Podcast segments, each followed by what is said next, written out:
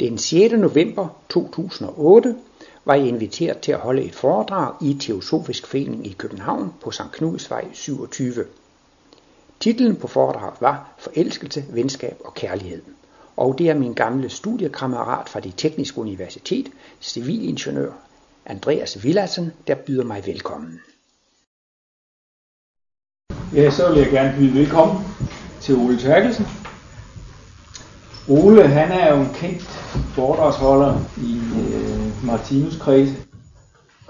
Og når jeg siger, at han er en kendt figur, så ved jeg, at han har lavet mere end 1200 foredrag siden 1980 cirka. Taler, på, taler seks sprog og har undervist 16, 17, 18 lande. Ja. Og så får vi fornøjelsen af at høre Ole her de næste par timer. Og til dem, der er interesseret i at høre mere, så har Ole også skrevet en, der hedder en bog, der hedder Martinus, Darwin og Intelligent Design. Værsgo, Ole. Ja, tak.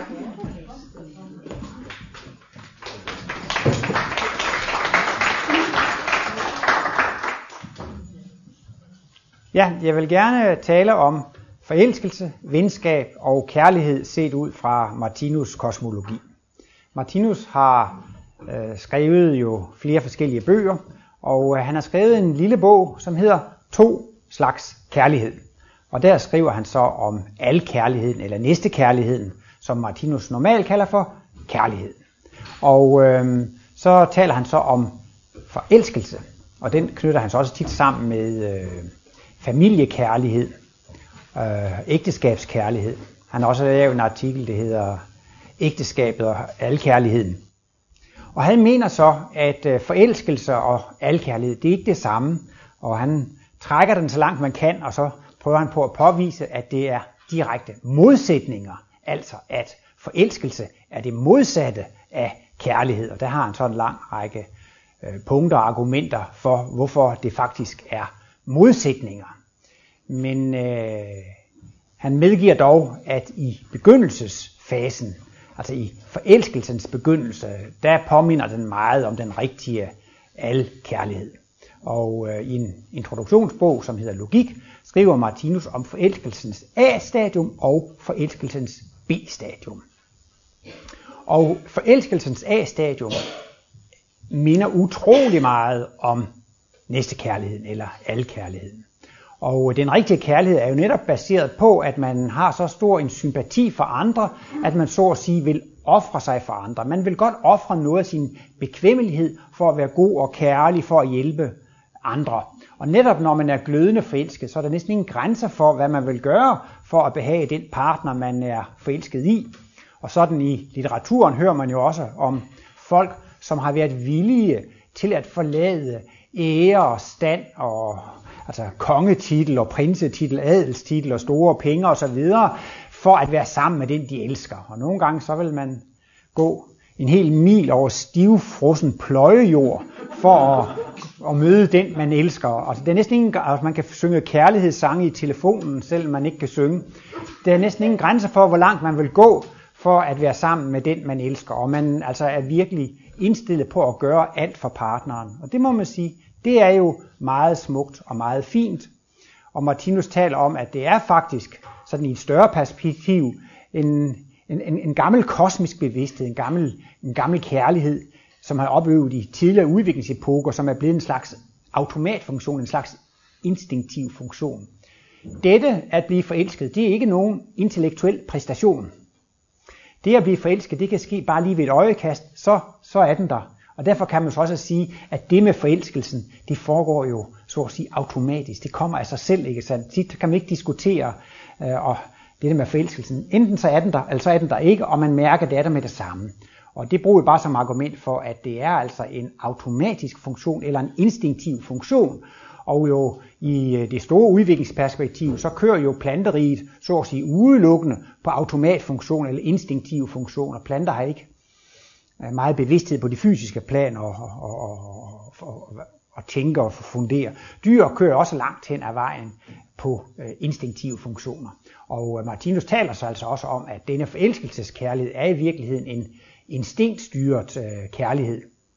Han siger lige frem, at det er en sympati, som er styret og reguleret af hormon- og kirtelsekreter, når han er mest teknisk. Det skulle være så romantisk, det her med forelskelsen, men han mener alligevel, at den er styret og reguleret af hormoner og kirtelsekreter. Det kan man jo faktisk også godt se, hvis, hvis det er mennesker, der bliver kastreret, så mister man jo faktisk interessen for det modsatte køn. Så derfor kan man jo godt se, altså det er egentlig ikke en sympati, som sidder i bevidstheden, men noget, som faktisk øh, sidder i hormonerne. Men øh, det er jo altså alligevel øh, ganske, ganske udmærket. Og øh, Martinus taler jo om, at i dyreriget, der er der meget mørke, meget kamp og krig og, og, og jalousi, ikke sandt? Og man kan spørge sig, hvordan kan dyrene holde ud at leve i sådan en verden med kamp og krig og konflikt? Hvordan kan menneskene holde det ud? Ja, en af de helt store inspirationskilder, det er jo netop forelskelsen. Det er jo netop det der med partneren, ikke? Jeg ved ikke, hvordan I har det, men prøv en gang at tænke på ned igennem hele livet. Hvor meget tid man har brugt på at tænke på den eneste ene. Hvor meget tid man har brugt på at tænke på idealpartneren. Det er alligevel noget, der op, optager en meget. Det er altså virkelig en stor ting. Et, et, et meget intimt ønske hos mange. Dette med at, at træffe den ideelle partner. Det er altså virkelig nogle, nogle stærke kræfter. Og Martinus siger også, at der ligger altså noget meget guddommeligt i det. Øh, vi er jo, så at sige, kun halve væsener. Det er hanner og hunder, mænd og kvinder. Det, det er halvkønsvæsener. Men så netop ved, at man får en partner af modsat køn og smelter sammen med vedkommende, så bliver man jo faktisk et komplet væsen, et fuldkomment væsen. Så har man jo både det maskuline og det feminine, ikke? Og det åbner så også, siger Martinus, altså for, for, for intuition eller den guddommelige ånd. Han siger altså, at den seksuelle vellystfornemmelse og lykken og glæden over og, at være forelsket, det er faktisk en Guds kontakt. Det er klart, at man kan have intu- store åndelige intuitioner og kosmisk bevidsthed, og på et bevidst plan opleve universets bevidsthed, for kosmisk bevidsthed, opleve Guds bevidsthed. Men på et ubevidst plan, der kan man også opleve Guds bevidsthed. Fordi Guds bevidsthed, det er jo faktisk også lykke, glæde og salighed. Og det kan man opleve i den seksuelle vellystfornemmelse. Det er jo også en lykke og en glæde og en salighed, som er på bølgelængde med Guds bevidsthed. Så, så i, i den seksuelle vellystfornemmelse, der oplever man faktisk Guds ånd, eller den hellige ånd. Martinus siger, den mest realistiske oplevelse, man kan få i kød og blod af den hellige ånd eller Guds ånd, det er i, i, i, i den seksuelle udløsning, i den seksuelle vellystfornemmelse. Så derfor altså er det her med forelskelsen altså noget meget stort og noget meget guddommeligt, og det er jo altså lyset, der leder stjernen for de levende væsener igennem dyreriget. Og man ser det også tit i litteraturen, at hvis man ikke kan få den, man elsker, ja, så gør man selvmord, eller så slår man det menneske ihjel, som står, står i vejen for en, ikke sandt? Altså det, det, det viser jo, at det er nogle utrolig stærke kræfter. Jeg læste også i skolen af Sten, Stensen Blikkers hosekræmmeren, der er en pige, Cecil, hun kan ikke få sin elskede Esben, ikke sandt? Og hun bliver faktisk altså sindssyg. Hun går fuldstændig i stå, altså det eneste, hvad er det, hun siger, det er den største sorg i verden her, er, at man ikke kan få den, man har kær, eller sådan noget den stil. Altså det, det var det, det var det største for hende det her liv, og det lykkedes ikke, og så, så blev hun nærmest sindssyg. Altså, jeg nævner det bare for, at altså, det er nogle utrolig stærke kræfter. Martinus taler også om reinkarnation, og hvis det er et ungt forelsket par, hvor forældrene kan forhindre, at de får hinanden, så siger Martinus, jamen det kan ikke forhindres. Fordi det, at Gud har samme folk, kan mennesker ikke adskille. Og, og hvis to unge mennesker de bliver forelsket i hinanden, så er de faktisk samme folk af Gud. Det, det kan andre ikke skille ad. Ja, det kan altså godt lade sig gøre i den her inkarnation, måske at forældrene kan hindre dem i at gifte sig. Men siger Martinus, så får de hinanden i næste inkarnation. Fordi at øh, den forelskelse, det er jo en magnetisk kraft. Det er jo en kolossal øh, tiltrækningskraft. Så det kan man ikke hindre i det lange løb. Så de vil alligevel øh, få hinanden. Og det er jo også så dejligt, som Martinus beskriver det, at i den evige udvikling, så går alle ønsker og længsler i opfyldelse. Men øh, vi er jo tit utålmodige, det skal helst være i det her liv. Og i forbindelse med reinkarnationen har Martinus sagt, uopfyldte ønsker, længsler og begær er de tynde tråde, der forbinder to inkarnationer med hinanden. Altså det vil sige, øh, han garanterer med, at alle vores ønsker og længsler bliver opfyldt. Men bare ikke i det her liv. Og så kommer vi over for en vidunderlig sommerferie på det åndelige plan og har det vidunderligt. Men vi kommer alligevel til et punkt, at der er nogle ønsker, som jeg gerne vil have opfyldt, og som kun kan opfyldes her på det fysiske plan. Og derfor får man så lyst til at inkarnere igen, og så kan man så komme ind og få opfyldt øh, disse ønsker. Men der er også et B-stadium af forelskelsen, og det er der, hvor jalousien og ejendomsbegæret kommer ind. Og jeg plejer at bruge det her eksempel med en mand, som påstår, at han elsker sin kone overalt, og at det er ren kærlighed. Det er så ren kærlighed, han vil gøre hvad som helst, bare for at konen bliver lykkelig. Men hvad så, hvis konen en dag kommer hjem og siger, at hun har været i seng med en fra kontoret af, og også en tredje fra julefrokosten, og hun synes, det var så skønt og så dejligt, og hun synes, siger manden så, jamen det er jo nok dejligt at se, at du trives, det er jo nok dejligt at se, at det glæder mig, at du har truffet med nogle nye spændende partnere, som du kan lide og så videre. Det glæder mig at se, at du stortrives. Sådan vil det normalt ikke fungere. Han vil jo formentlig blive meget jaloux og meget ked af det, meget nedslået, ikke sandt? Og øh, det er så der, hvor al kærligheden og forelskelsen skilles ad, ikke sandt? Fordi at, øh, netop fordi, at forelskelsen giver den største lysoplevelse, så ønsker man jo også at have permanent adgang til den lysoplevelse. Det vil så sige, at man ønsker altså at, at have den partner for sig selv og have til rådighed til stadighed. Og så kommer man jo over i det her med ejendomsbegæret og jalousien. Øhm, og i virkeligheden er det jo næsten sådan, at man, at man, man, man vil elske sig selv, men man behøver en anden til at elske sig selv. Altså man, man kan kun få den lyse oplevelse ved at have en partner, og derfor er det så vigtigt at have den partner, fordi det er ens eneste adgang til, til, øh, til, til, til lyset. Så derfor bliver det altså en egoisme i det. Og øh, ja, der, har jeg, der har jeg to kaffehistorier, som jeg lige skal fortælle. To. Den ene er Martinus, og den anden er ikke af Martinus. Men, øh, men Martinus var netop inde på, at længere ude i fremtiden, ikke sandt? Så kunne det jo forekomme det, at, at manden kom hjem fra arbejde, og hvad sker der? Han finder konen i seng med husvinden. Men han er jo sådan et højt udvikler kærligt menneske, så han siger jo så, gør I bare færdig der, så går jeg ud og sætter kaffe på, så, så, kan, vi, så kan vi drikke kaffe sammen bagefter. Nu tror jeg, en gang blev jeg misforstået, da jeg fortalte den historie. Folk troede, at Martinus gik ind for det åbne ægteskab. Men det, det handler om, det er jo det, at man skal ikke selv tage sig friheder. Men man skal jo byde på, at andre har fri, ikke sandt? Altså der er nogen i et ægteskab, de bliver så dybt frustreret over, at de føler, at jeg har ingen frihed i ægteskabet. Men sådan åndeligt set eller ideelt set, så drejer det sig jo ikke om at gøre krav på sin egen frihed. Det drejer sig jo om at give den anden frihed. Et sted definerer Martinus lige frem det, det at give fri, det er faktisk altså også det samme som at give kærlighed, ikke sandt? Så hvis nu manden altså virkelig kan præstere og sige det, når han kommer hjem, så er det ikke en reklame for det åbne ægteskab, men det er jo en reklame for altså, at, at man skal give andre frihed, og ikke lægge dem, øh, så at sige, hindringer i vejen. Og så har jeg sådan en lidt anden kaffehistorie. Det er en mand, han øh, rager rundt ude i byen, og han bliver helt fuld, og han taber sin nøgle, og så kan han ikke komme ind i huset. Og så begynder han en politibetjent, så spørger han politibetjenten, om han ikke kan hjælpe med at få døren øh, dirket op. Jo, det kunne politiet jo nok, men han ville gerne lige sikre sig, at det nu også var hans hus, så han ikke bare åbnede for som et tyveri. Og så lirker politimanden jo, de var måske to der, og, og politifolkene døren op, og så, så ville de godt lige tage en runde i huset, for lige at sikre sig, at, at det nu er hans hus. Og så min sanden op på første sal, der forhindrer de konen i seng med husvinden. Og øh, manden han sagde jo, da de kom ind, Nå jamen nu skal jeg lige sætte vand over til kaffe. Og så kommer de jo så ned, øh, politiet, så spørger de, sig mig, øh, vi forstår ikke rigtigt her, hvad med ham manden deroppe ovenpå? Hvad med ham? Nå ham, ja han får i hvert fald ingen kaffe.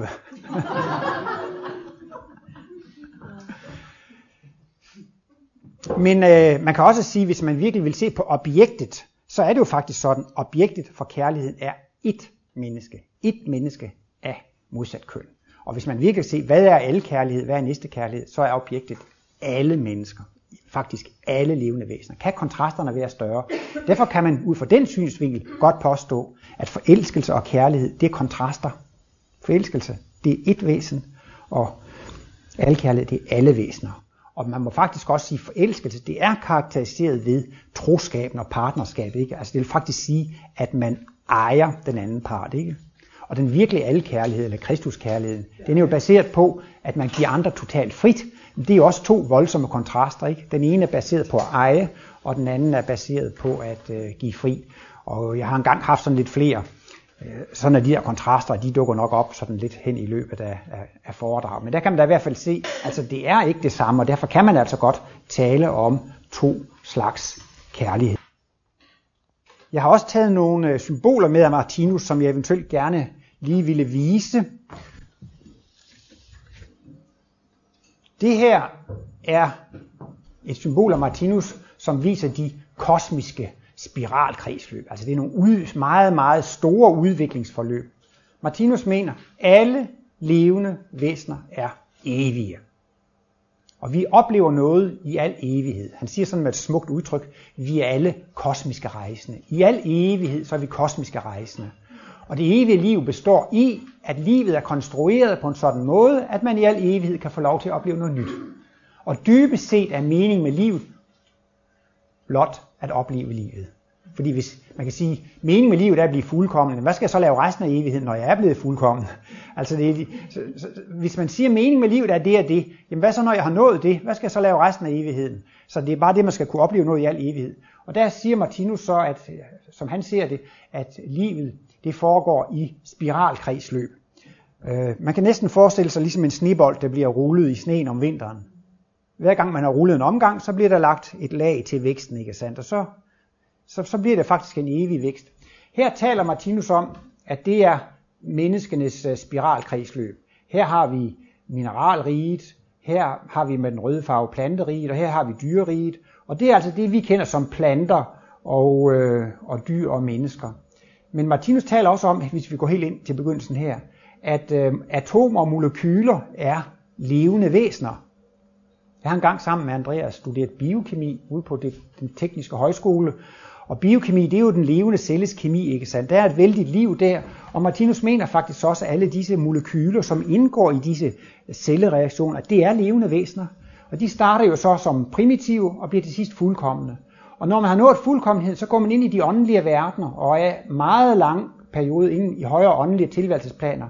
Men når man er mæt af det og trænger til en kontrast, man kan jo få så meget sol og varme, man synes det er skønt med kølighed, men her om vinteren, så længes vi jo efter varmen. Der er ikke den kontrast, man ikke kan blive mæt af.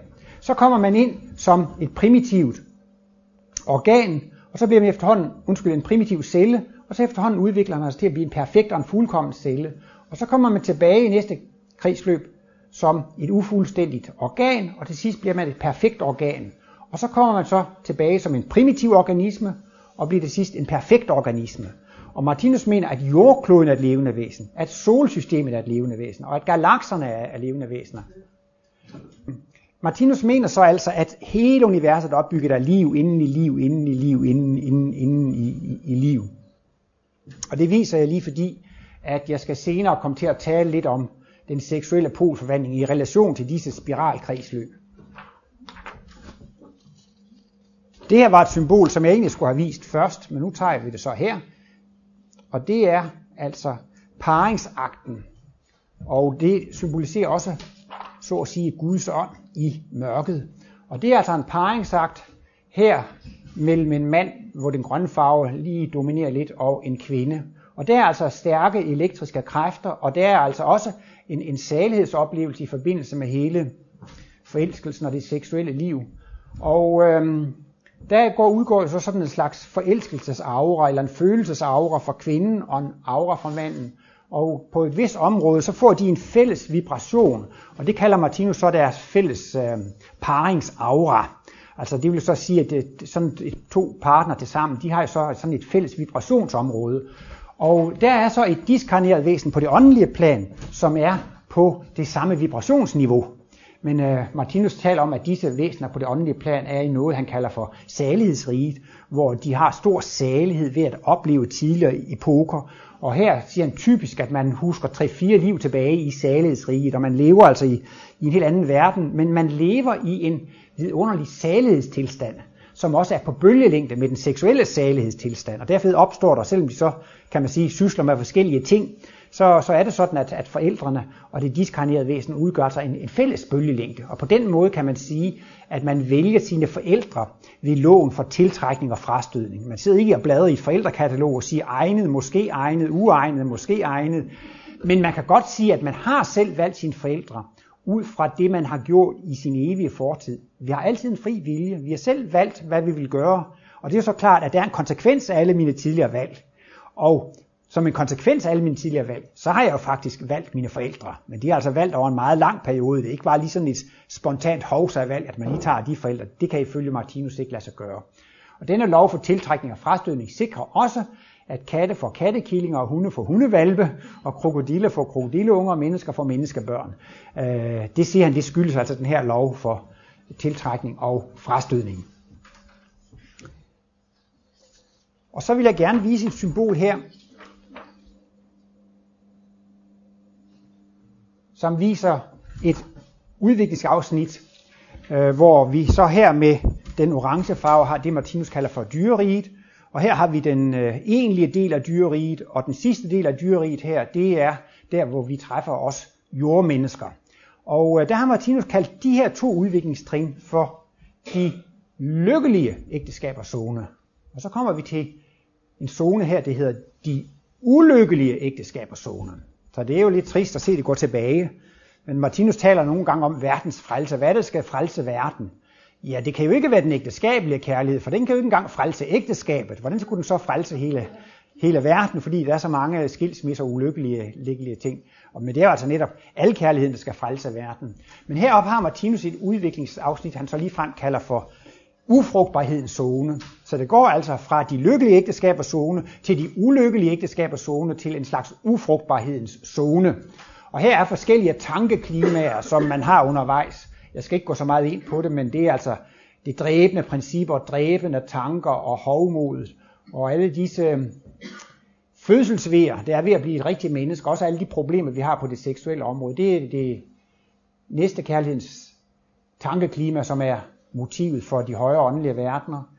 Her har vi den dyriske, jordmenneskelige kunst, og her har vi noget med religioner. Her har vi lavpsykiske kræfter. Dyr har også psykiske evner, kan være klærvoyanter osv. Og her har vi nogle højpsykiske kræfter. Og det er så dette, at her får man kosmiske glimt og får kosmisk bevidsthed. Og øh, netop ved den her tykke streg her, og hvor vi så går ind i det rigtige menneskerige, der bliver man sagt et kristusvæsen. Jesus sagde jo også, mit rige er ikke af denne verden. Og dermed refererer Martinus, eller undskyld, Jesus til det rigtige menneskerige. Han siger også, i mit rige tages der ikke til ægte. Og det hænger sammen med, at væsenerne de bliver forandret. Og her ser vi så det, Martinus kalder for de seksuelle poler. Og øh, for mig er det den største overraskelse i hele Martinus kosmologi, at der har været mænd og kvinder, og der er mænd og kvinder, men der skal ikke blive ved med at være mænd og kvinder. Der skal opstå et nyt køn. Der skal opstå et tredje køn. Og det skal altså være et. Og det synes jeg da, det er da en stor overraskelse, at der skal komme et tredje køn. Og øh, logikken i det er jo sådan set altså, at han og hun, det er jo kun halve væsener. Og på en måde er vi nogle sølle pjok, vi er nogle skvat, vi kan ikke klare os selv, vi er nødt til at have en partner af modsat køn. Det kan man ikke kalde mental suverænitet, som er jo dybt afhængig af andre, ikke sandt? Martinus mente, at Jesus havde nået et udviklingstrin, som han betegner som mental suverænitet. Man er usårbar. Selvom de vil pine og plage og slå en ihjel, så kan man sige, fader forlad dem, de ved ikke, hvad de gør. Altså han, han, er, han er selvstændig, han er suveræn. Men man kan ikke blive selvstændig og suveræn, så længe man er enpolet, fordi så har man øh, behov for en partner af modsat køn, for at opnå denne, denne helhed. Ikke? Og der taler Martinus om, at her i midten af dyreriget, der er man helt enpolet. Og med den gule farve symboliserer han den feminine pol. Det her, det er en hund, eller det er en kvinde. Og her har vi så en, med den grønne farve en maskulin pol, det er en han eller en mand. Og så taler Martinus om, at disse to seksuelle poler har også et organisk område, og det er klart, at den primære seksuelle pol er jo, overskygger jo kønsorganerne. Men den modsatte pol, den anden pol, den overskygger hjernen. Den kalder han så for den sekundære pol. Eller man kan også sige, at man har en seksuel pol over kønsorganer og en intellektuel pol, der er knyttet til hjernen. Ikke? Og øh, hvis jeg spurgte bare sådan umiddelbart, hvad er forskellen på mennesker og dyr? Jeg tror, de fleste vil svare, det er intelligensen, ikke? Altså, der er der mange dyr, der er stærkere end menneskene, men vi er dyrene overlegne på grund af vores intelligens, ikke? Så det vil sige, at det er den store forskel på dyr og menneske, det er, at man har udviklet sin intellektualitet. Så her kan man så se, at kvinder, de udvikler deres maskuline pol. De udvikler altså deres intellektualitet. Når kvinder udvikler deres maskuline pol, udvikler de deres intellektualitet. Og når manden udvikler sin intellektualitet, ud, øh, udvikler han altså sig udvikler så den feminine, den intellektuelle pol.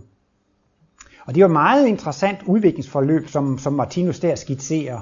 Og netop altså, når man når op til at blive et kristusvæsen, så mener Martinus, så er de to poler blevet jævnbyrdige, og så er man hverken mand eller kvinde. Og så vidt som jeg har forstået, eller set, når man ser billeder af engle, ikke, så er engle jo faktisk hverken mænd eller kvinder. Altså engle er jo egentlig rigtige kristusvæsener, som lever på det åndelige plan, ikke sandt? Disse væsener er kønsløse, eller ikke kønsløse, de, de, de er måske nok meget kønnede, de var dobbeltkønnede, de har, de har, de har begge dele. Så, øhm, og det er jo så, kan man sige, normalt opfinder man, at mænd, det er mænd, og kvinder, det er kvinder, ikke sandt? Men der er altså meget, meget stor forskel på mænd og kvinder, ifølge Martinus, ikke? Men det kan ikke ses på kroppen altså det kan måske komme antydninger af det, og altså i hvert fald, hvis man har sådan noget andet sammenlignende anatomi og går flere hundrede år tilbage, så kan man åbenbart godt finde lidt øh, i kvindens anatomi, med at hofterne er ved at blive lidt smallere, og det er sværere at føde børn.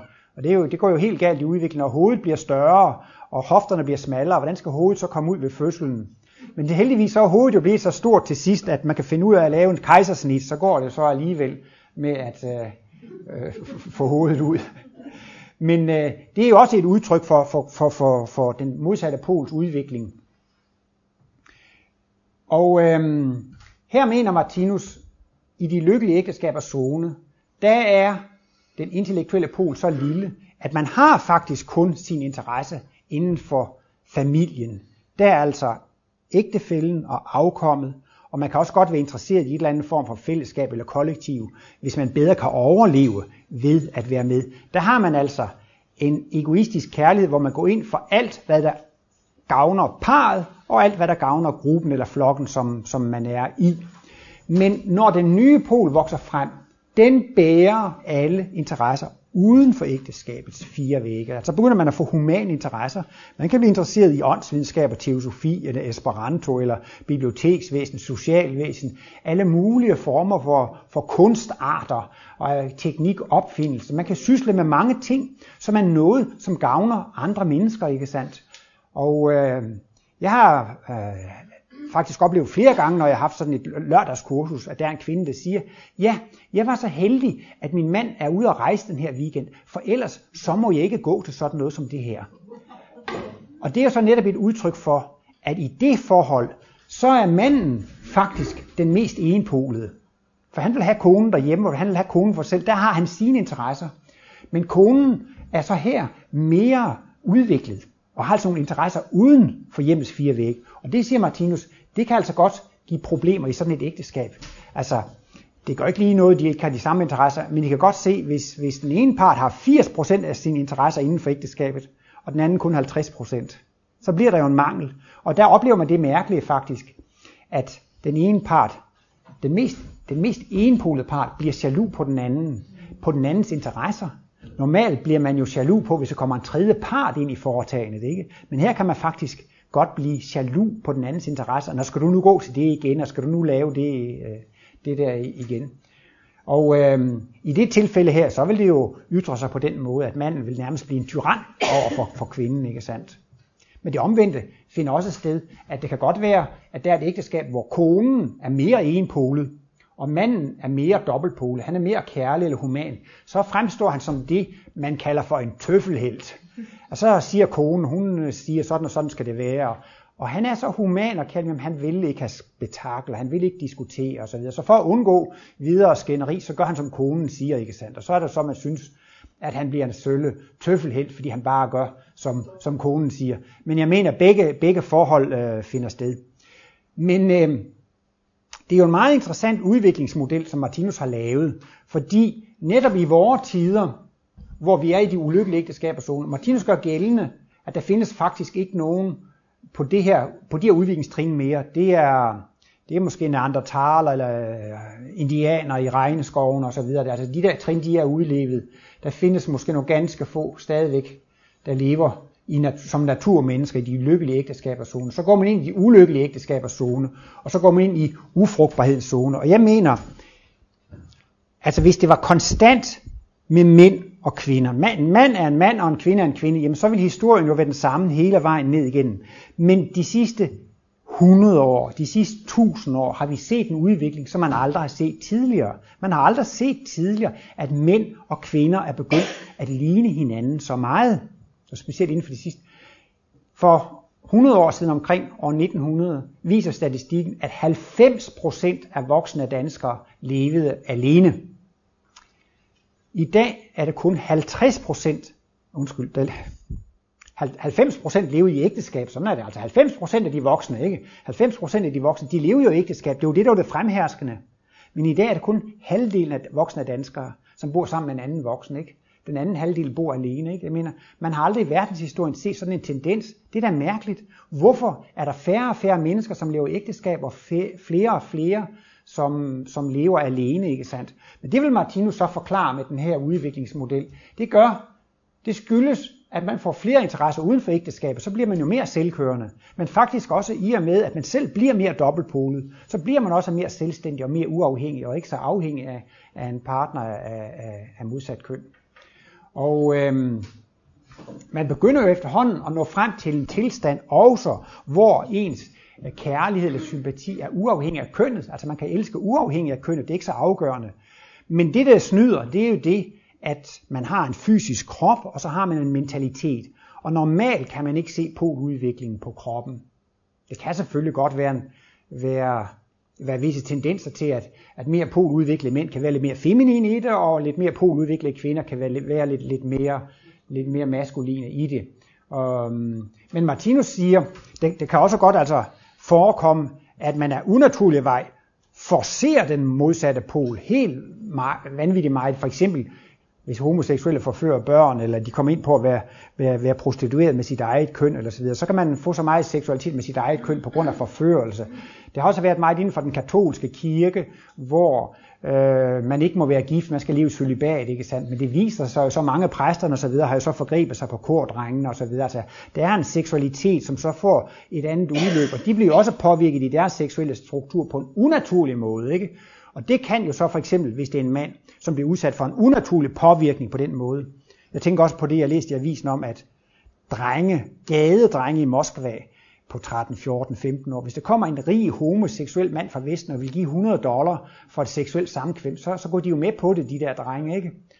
Og, og, og det gør de jo så tit og ofte, ikke? men det har en indvirkning på deres psykiske struktur, som er uheldig, fordi det vækker den feminine pol for tidligt, og øh, den, det, den kan ligefrem komme til at dominere, så det kan altså ske det unormale, at en mand er kunstig vej, uden at ved forførelser, ved, ved magt, ved prostitution, øh, i fængselsvæsen eller sådan noget, får forceret den nye pol helt dramatisk meget, og så kan det ligefrem gå så vidt, at en mand føler sig som en kvinde.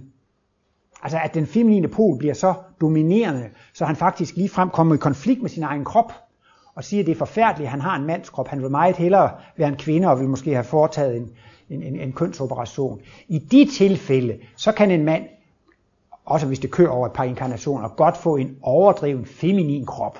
Men det hører ikke sådan til det normale. Martinus skitserer altså, at hvis en mand gennemgår en normal poludvikling, så vil den maskuline pol hele tiden have overtaget. Og den feminine pol vil bare gradvist vokse op til ligevægt. Og en sådan mand vil så altså ikke på noget tidspunkt miste sit normale kønspræg, ikke sandt? Men det er da klart, at selvom det foregår sådan, at den maskuline pol hele tiden har overtaget, så er det jo klart, at en sådan mand vil jo være mere forfinet. En dobbeltpolet mand vil jo nok på visse punkter være mere forfinet end, end en enpolet mand, ikke sandt? Men øh, jeg synes jo, man ser på alle mulige områder af selskabet i dag, kvinder gå ind på mænds områder, mænd gå ind på kvinders områder. Ikke? Altså også rent anatomisk begynder mænd og kvinder at ligne hinanden mere og mere. Ikke? Det er da en meget ejendommelig udvikling, når man ligesom ikke har set det tidligere i udviklingen. Så jeg synes, at der er meget, der tyder på, at det der med at være mænd og kvinder, den der kønstilstand, det er ikke noget stationært. Altså man kunne godt tro, her har vi dyrerige, og det ruller bare på år tusind efter år tusind år, million efter år. Sådan er det bare ikke. Der er jo virkelig noget i vores moderne tider, der tyder på, at der er en en seksuel forvandling, ikke sandt? Og netop på grund af, at man får så mange interesser uden for ægteskabet, så sker altså de mange skilsmisser. Og det, der gør ægteskaberne så komplicerede, det er, at det faktisk ikke bare er to mennesker, som bliver gift. Det, det, det, det er fire, der bliver gift, fordi manden har jo to poler, og kvinden har to poler, og så skal alle fire poler helst passe sammen. Jeg har ikke set filmen, men jeg så bare forfilmet til en tysk film, som hed Den hvide Masai. Og det var altså en tysk kvinde, som var ganske kunstnerisk og kreativ, som følte sig meget stærkt seksuelt tiltro til en flot Masai, altså en afrikaner, en afrikansk kriger, ikke sandt? Og øh, de bliver gift, og hun flytter med ned til Afrika.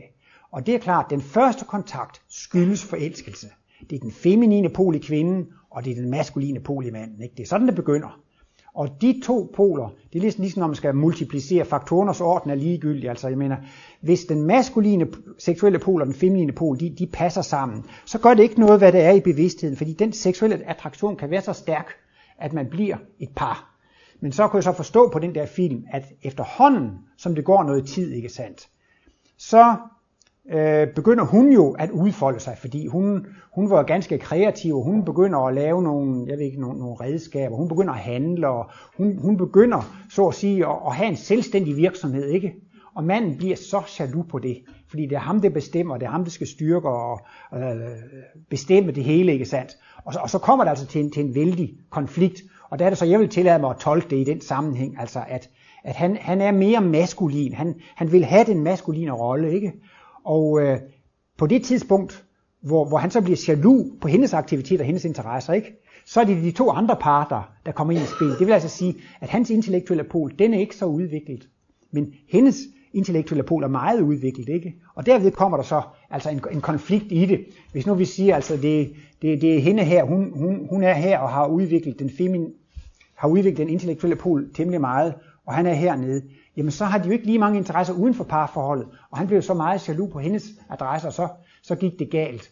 Så mm, øh, det er jo bedst, hvis alle polerne stemmer sammen, ikke sandt? Og man kan sige, at de ulykkelige ægteskaber, de forekommer fordi, som regel jo fordi man ikke er på det samme trin. Men generelt siger Martinus også, dyriske instinkter degenererer i løbet af udviklingen. Vi skal ikke blive ved med at være robotter, der handler instinktivt. Dyr, de handler jo instinktivt.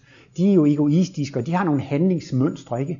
Vi skulle da gerne blive selvstændigt tænkende væsener. Vi skulle blive moderne, reflekterede mennesker, som ikke bare handler automatisk. Når det er en, der træder mig på min ligetårn, så, så bliver jeg rasende, altså sådan en instinktiv handling. Og det er de fleste vel med på i udviklingen, så sker der det, at de dyriske instinkter degenererer, og de menneskelige, de humane, de intellektuelle egenskaber, de, øh, de udvikler sig sådan, sådan øh, ser man det jo normalt. Men dette med forelskelsen, og dette, han Martinus siger, når forelskelsen løber sin line ud, så resulterer den i samleje og afkom.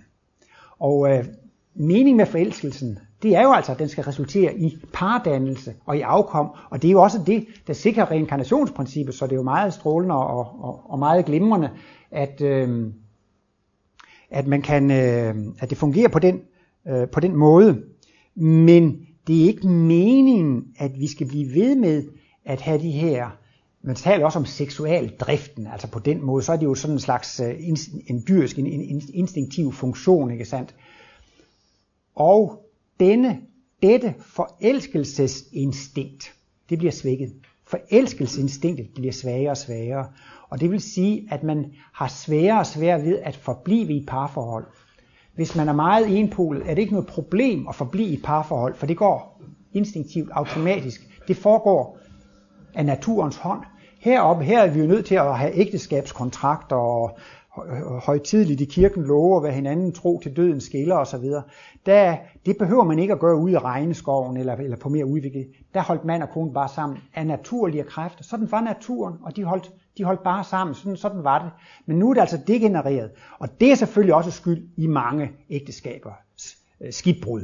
Netop det, at øh, det kan være, jeg synes tit, jeg har set pæne, kønne unge mennesker, sympatiske og rare og venlige, de bliver gift med hinanden, og 5-10 år efter, så er de skilt. Og man forstår det ikke. Man synes, begge parter er der så sympatiske og venlige. Hvordan kan det da være, at de ikke kan finde ud af det?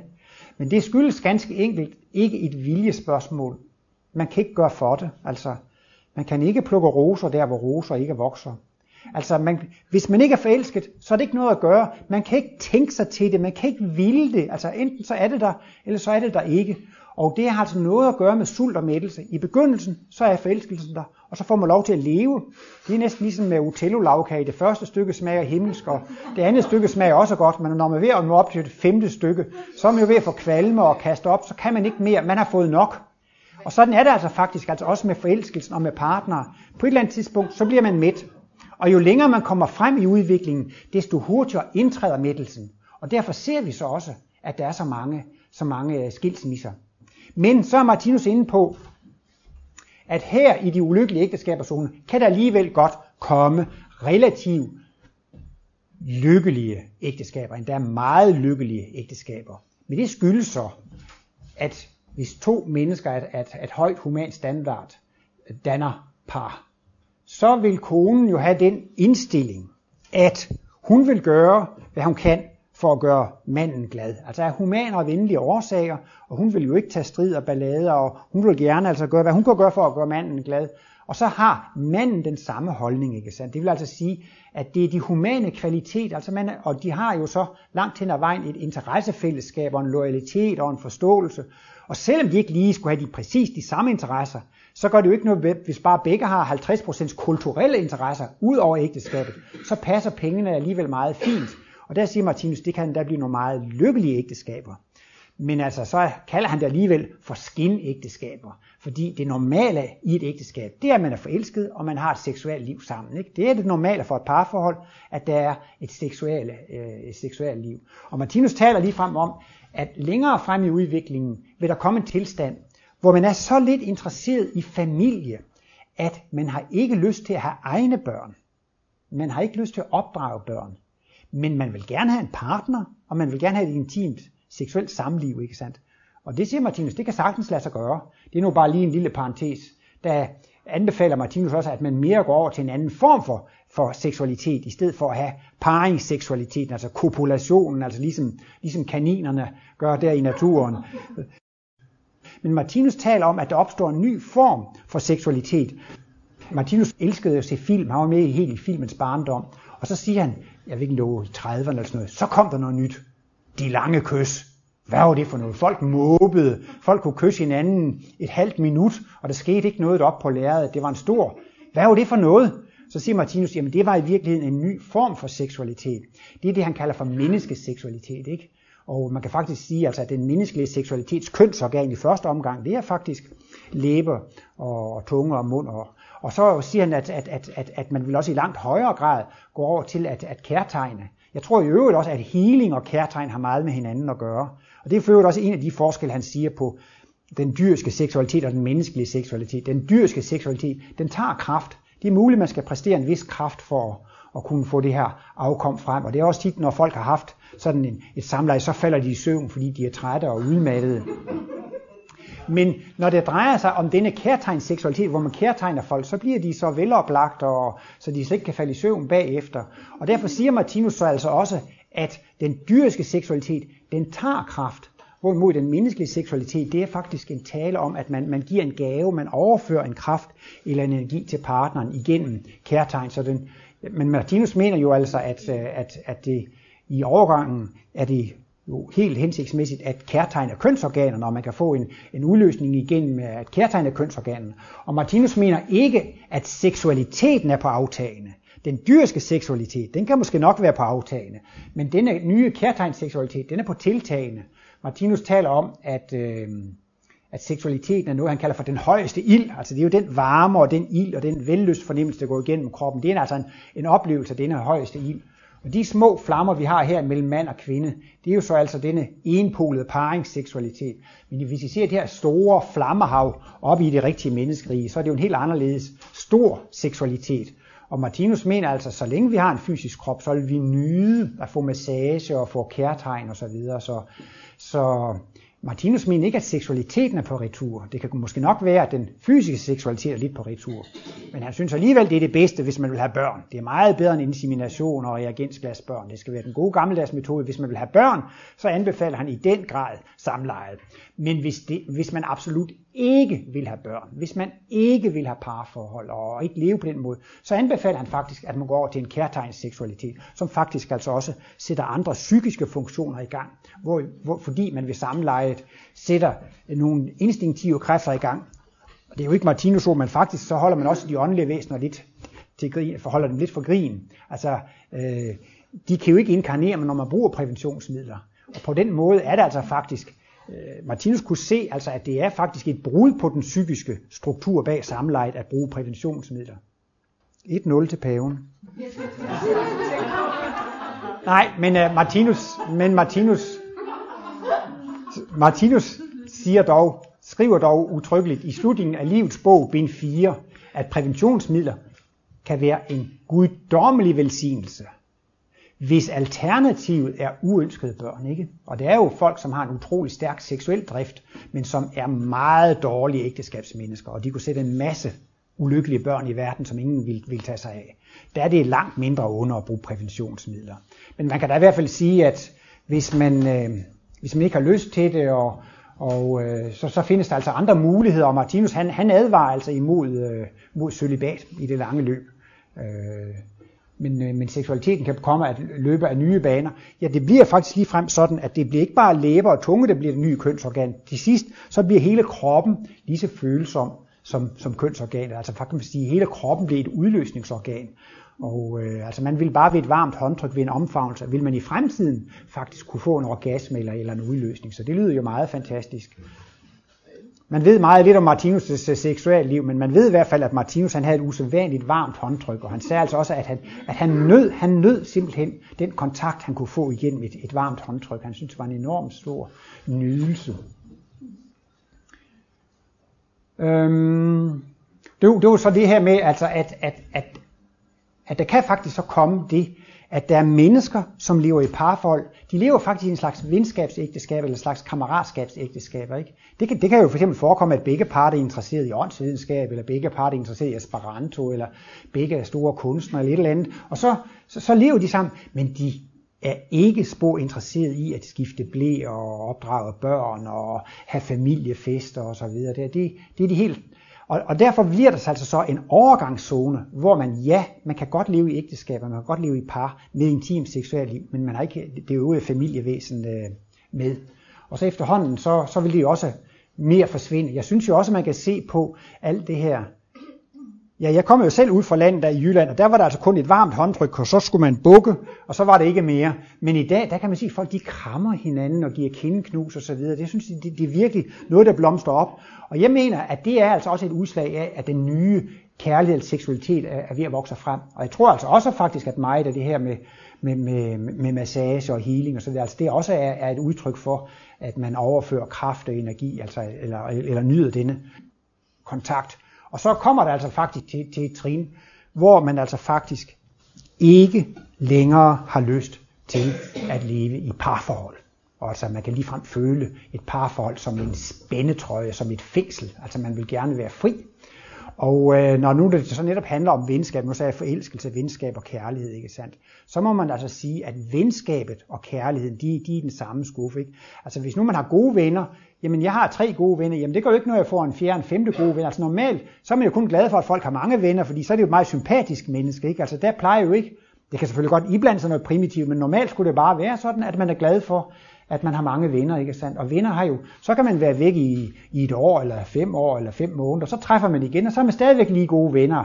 Og sådan vil altså, hvad skal man sige, fremtidens forhold være. De vil altså være baseret af, på venskab, og venskabet er jo baseret på, at man giver vennerne fri, at man ikke, man ikke, vil, at man ikke vil, eje, øh, vil eje dem og monopolisere dem. Og så vil jeg gerne lige til sidst vise et symbol mere. Og her viser Martinus igen de seksuelle poler. Og øhm, her har vi en feminin pol og en maskulin pol, og igen med gul farve, grøn farve, feminin pol. Det er symbol nummer 35, som viser det øhm, seksuelle kredsløb.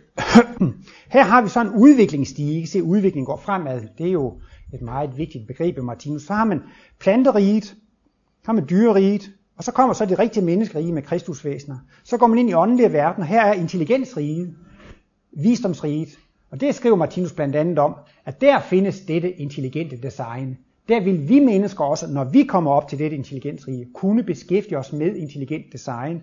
Og der vil vi kunne være med til at designe nye, nye dyrearter, nye plantearter. Men også under døden og under søvn passerer vi igennem dette rige. Martinus siger, i de lavere afdelinger af dette rige, der, der øhm, arbejder man også med, med mode. Der kan man lave nye hatter og smykker, og, og det kan man lave i design på det åndelige plan, og kunstnere på det fysiske plan kan få, få inspiration. Og øh, netop jo mere dobbeltpolet man er, jo mere intuitiv er man, jo mere modtagelig er man for inspiration. Og jeg har også hørt, at der er mange kunstnere, som siger, jamen den bog, jeg har skrevet, den var der i forvejen. Det musikstykke, det var der i forvejen. Det var på det åndelige plan. Det er bare med at kunne tage det ned. Og det er jo netop, jo mere dobbeltpolet og jo mere intuitiv man er, jo nemmere kan man tage de der store inspirationer fra den åndelige verden. Men det var nu bare lige noget, jeg sagde for at gøre, gøre reklame for min bog om intelligent design. Så er der den guddommelige verden og salighedsriget, også nogle rene åndelige tilværelsesplaner. Men når man så er midt af den åndelige verden, så går man ind i den fysiske verden igen.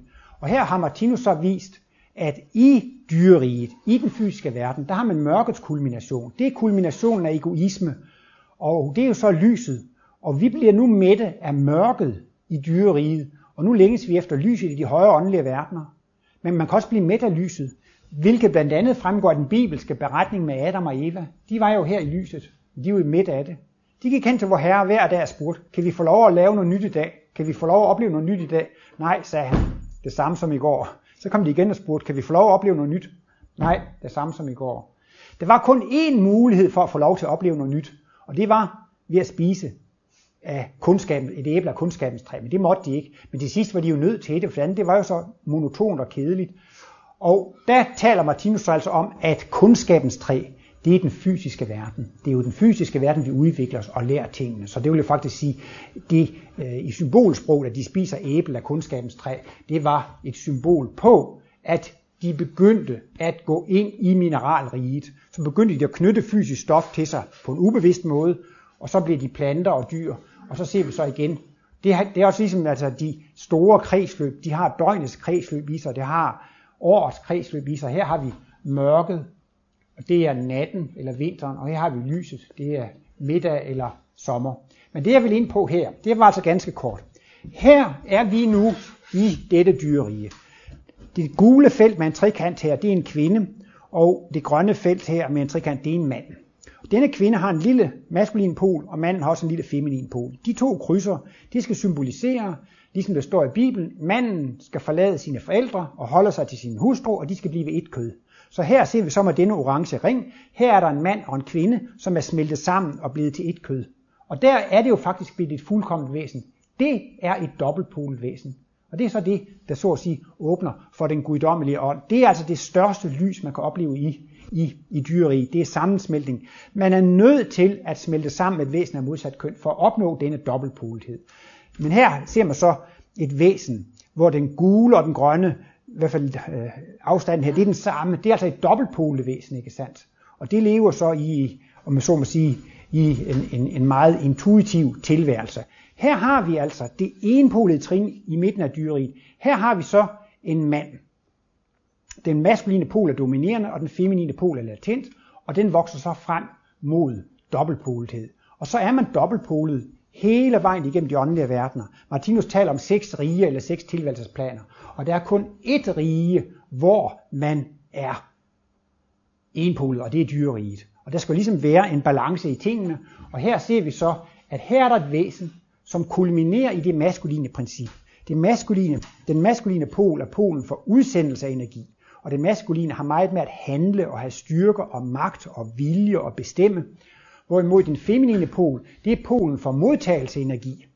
Og øhm, der er jo så, altså den ene halvdel af væsenerne, de bliver mætte af at, at praktisere det maskuline princip, og den anden halvdel bliver mætte af det feminine princip. Og så bliver det så sådan, at når et, et væsen, som i denne spiralkredsløb af mand, går ind i en ny spiral, så vil det blive som et feminint væsen. Og når øhm, et væsen her, altså en feminin væsen, en kvinde, går ind i de åndelige verden og bliver dobbeltpolet, vil hun så, når hun kommer ind i den næste spiralkredsløb, blive et maskulint væsen. Og øh, det er jo lige det, jeg, derfor jeg havde valgt at vise det her symbol. Det vil så sige, at Martinus mener, at i det evige liv, så går alt op. Alt bliver udlignet. Alt kommer til at passe. Og, øh, men han mener bare, at det med det maskuline og det feminine princip er over umådelige udviklingsforløb. Så her skulle det altså være sådan, hvis man har været en feminin molekyle, så bliver man et maskulin celle, og en feminin organ, og en maskulin organisme, og en feminin klode, og et maskulin solsystem. Så det er altså nogle meget store, og øhm, øh, det er jo så et af de steder, hvor man kan sige, at Martinus' øh, forklaring afviger noget fra teosofiens. Fordi Martinus gør altså gældende, at er man hanvæsen i dette dyrerige, så vil man blive ved med at være et hanvæsen resten af dette dyrerige. Og lige sådan er man altså af hunden her. Så Martinus mener ikke, at vi skifter fra at være mand og kvinde imellem de, de enkelte. Men han mener derimod, at der er tale om en øh, gradvis og kontinuert udvikling af, af den ene pol. Jeg har prøvet på at forestille mig, hvis nu altså man er med på, at mænd og kvinder minder lidt om hinanden, så har jeg nu den maskuline pol i 100% udvikling, og så er den feminine pol ved at vokse op. Hvad så hvis jeg bliver kvinde i næste liv? Jamen, så har jeg jo den feminine pol 100% udviklet, og så den maskuline pol. Så må man have et slags dobbeltbogholderi, hvor man skulle hoppe fra den ene udviklingslinje til den anden udviklingslinje. Forskningen viser, at der er forskel på mænd og kvinder. Og det er så det, der er basis i Martinus udviklingslære. Hver gang man har gjort en erfaring, hver gang man har gjort en oplevelse, har man udviklet sig. Hver gang man har trænet og øvet sig, så har man udviklet sig. Og al udvikling foregår i små.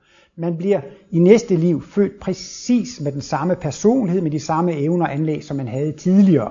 Så derfor mener Martinus med henvisning til den kontinuerlige udvikling, at det kan ikke lade sig gøre at hoppe fra det ene køn til det, til, til, til det andet køn. Men jeg ved ikke, hvordan det hænger sammen. Det kan jo være, at der er medier, som oplever, når de sidder ved en mand, at, at der viser sig en kvinde, og så bliver konklusionen den, at vedkommende har været en kvinde i et tidligere liv, men det kunne måske være et andet feminin væsen, som, som bliver kommet i kontakt med. Jeg ved det ikke, men jeg har holdt foredrag utrolig mange steder, og jeg må sige, at det er en massiv modstand mod Martinus' udlægning, fordi der er så mange, der siger, at de har selv oplevet, at de kan skifte fra køn til køn. Jeg så jo blandt andet, var det ikke Ruhl, han hed, med På rejse med sjælen, som var i TV2, ikke sandt? Så kommer der en kvinde, lægger ned på briksen, hun bliver ført tilbage. Så siger han, hvad ser du? Jeg ser en mand, og så er vi i Portugal i 1700-tallet, vi rejser ned og ser byen, og det passer alt, hvad hun siger, ikke? Og så, så tror man jo, at hun har været en mand i tidligere liv. Jeg er altså bare lidt skeptisk ved den allerførste konklusion. Det er, at han siger, du har været en mand. Jeg mener, Claire, hvis, hvis man går til et medium eller clairvoyant, så kan de jo sige noget om mig og min søster og min bror. Og de kan ligesom tabe sig ind på andre folk og sige noget om dem, ikke? Så hvorfor skulle det ikke også kunne ske med mediet, eller den, der bliver ført tilbage? Hvordan kan de være så sikre på, at det ikke er en anden, de har tappet sig ind på, og ikke dem selv. Jeg mener, man kan gå ind på mange forskellige folks hjemmeside, så jeg forestiller mig også, at på det åndelige plan har vi forskellige hjemmesider. Og hvis man så er tilstrækkelig medial begav, kan man tappe sig ind på andres hjemmesider. Så jeg tror selv, det er der, det kommer ind, at, at øh, det meget ofte kommer beretninger, om man skifter fra det ene til det andet køn, at man ikke lige helt har tjekket på, hvis hjemmeside det er, man er gået ind på. Altså, det, det kan jo godt være, altså. Men det ved jeg ikke. Øh, I alle fald, øh, så har Martinus altså beskrivelse af nogle imodelig store udviklingsforløb, og han siger altså, at man skal ikke være ked af at forlade ægteskabet og den ægteskabelige kærlighed og paringskærligheden. Der er et stort lys ved det, men det er et meget lille lys i forhold til det enormt store lys, man kommer til at udvikle, når man når frem til altså at blive et, et, et kristusvæsen, et, et, et kærlighedsvæsen. Og Martinus taler om, at i virkeligheden findes der kun én lov, loven for tilværelse, og den går ud på, at man skal være til gavn, glæde og velsignelse for alle levende væsener. Og det er jo så, kan man sige, så længe man er enpolet, så favoriserer man et køn frem for et andet køn. Så, er man ikke, så, så, så lader man ikke sit lys stråle på samme måde på alle mennesker. Men i den sidste ende, så bliver man altså sådan, at man ikke har favoritter. Man, er nødvendig, man må nødvendigvis have favoritter, så længe man er enpolet. Men når man bliver dobbeltpolet, så findes det ikke mere det der med at have favoritter. Og netop alle kærligheden, den kender jo ikke til at have favoritter. Der elsker man alt og alle. Tak for opmærksomheden.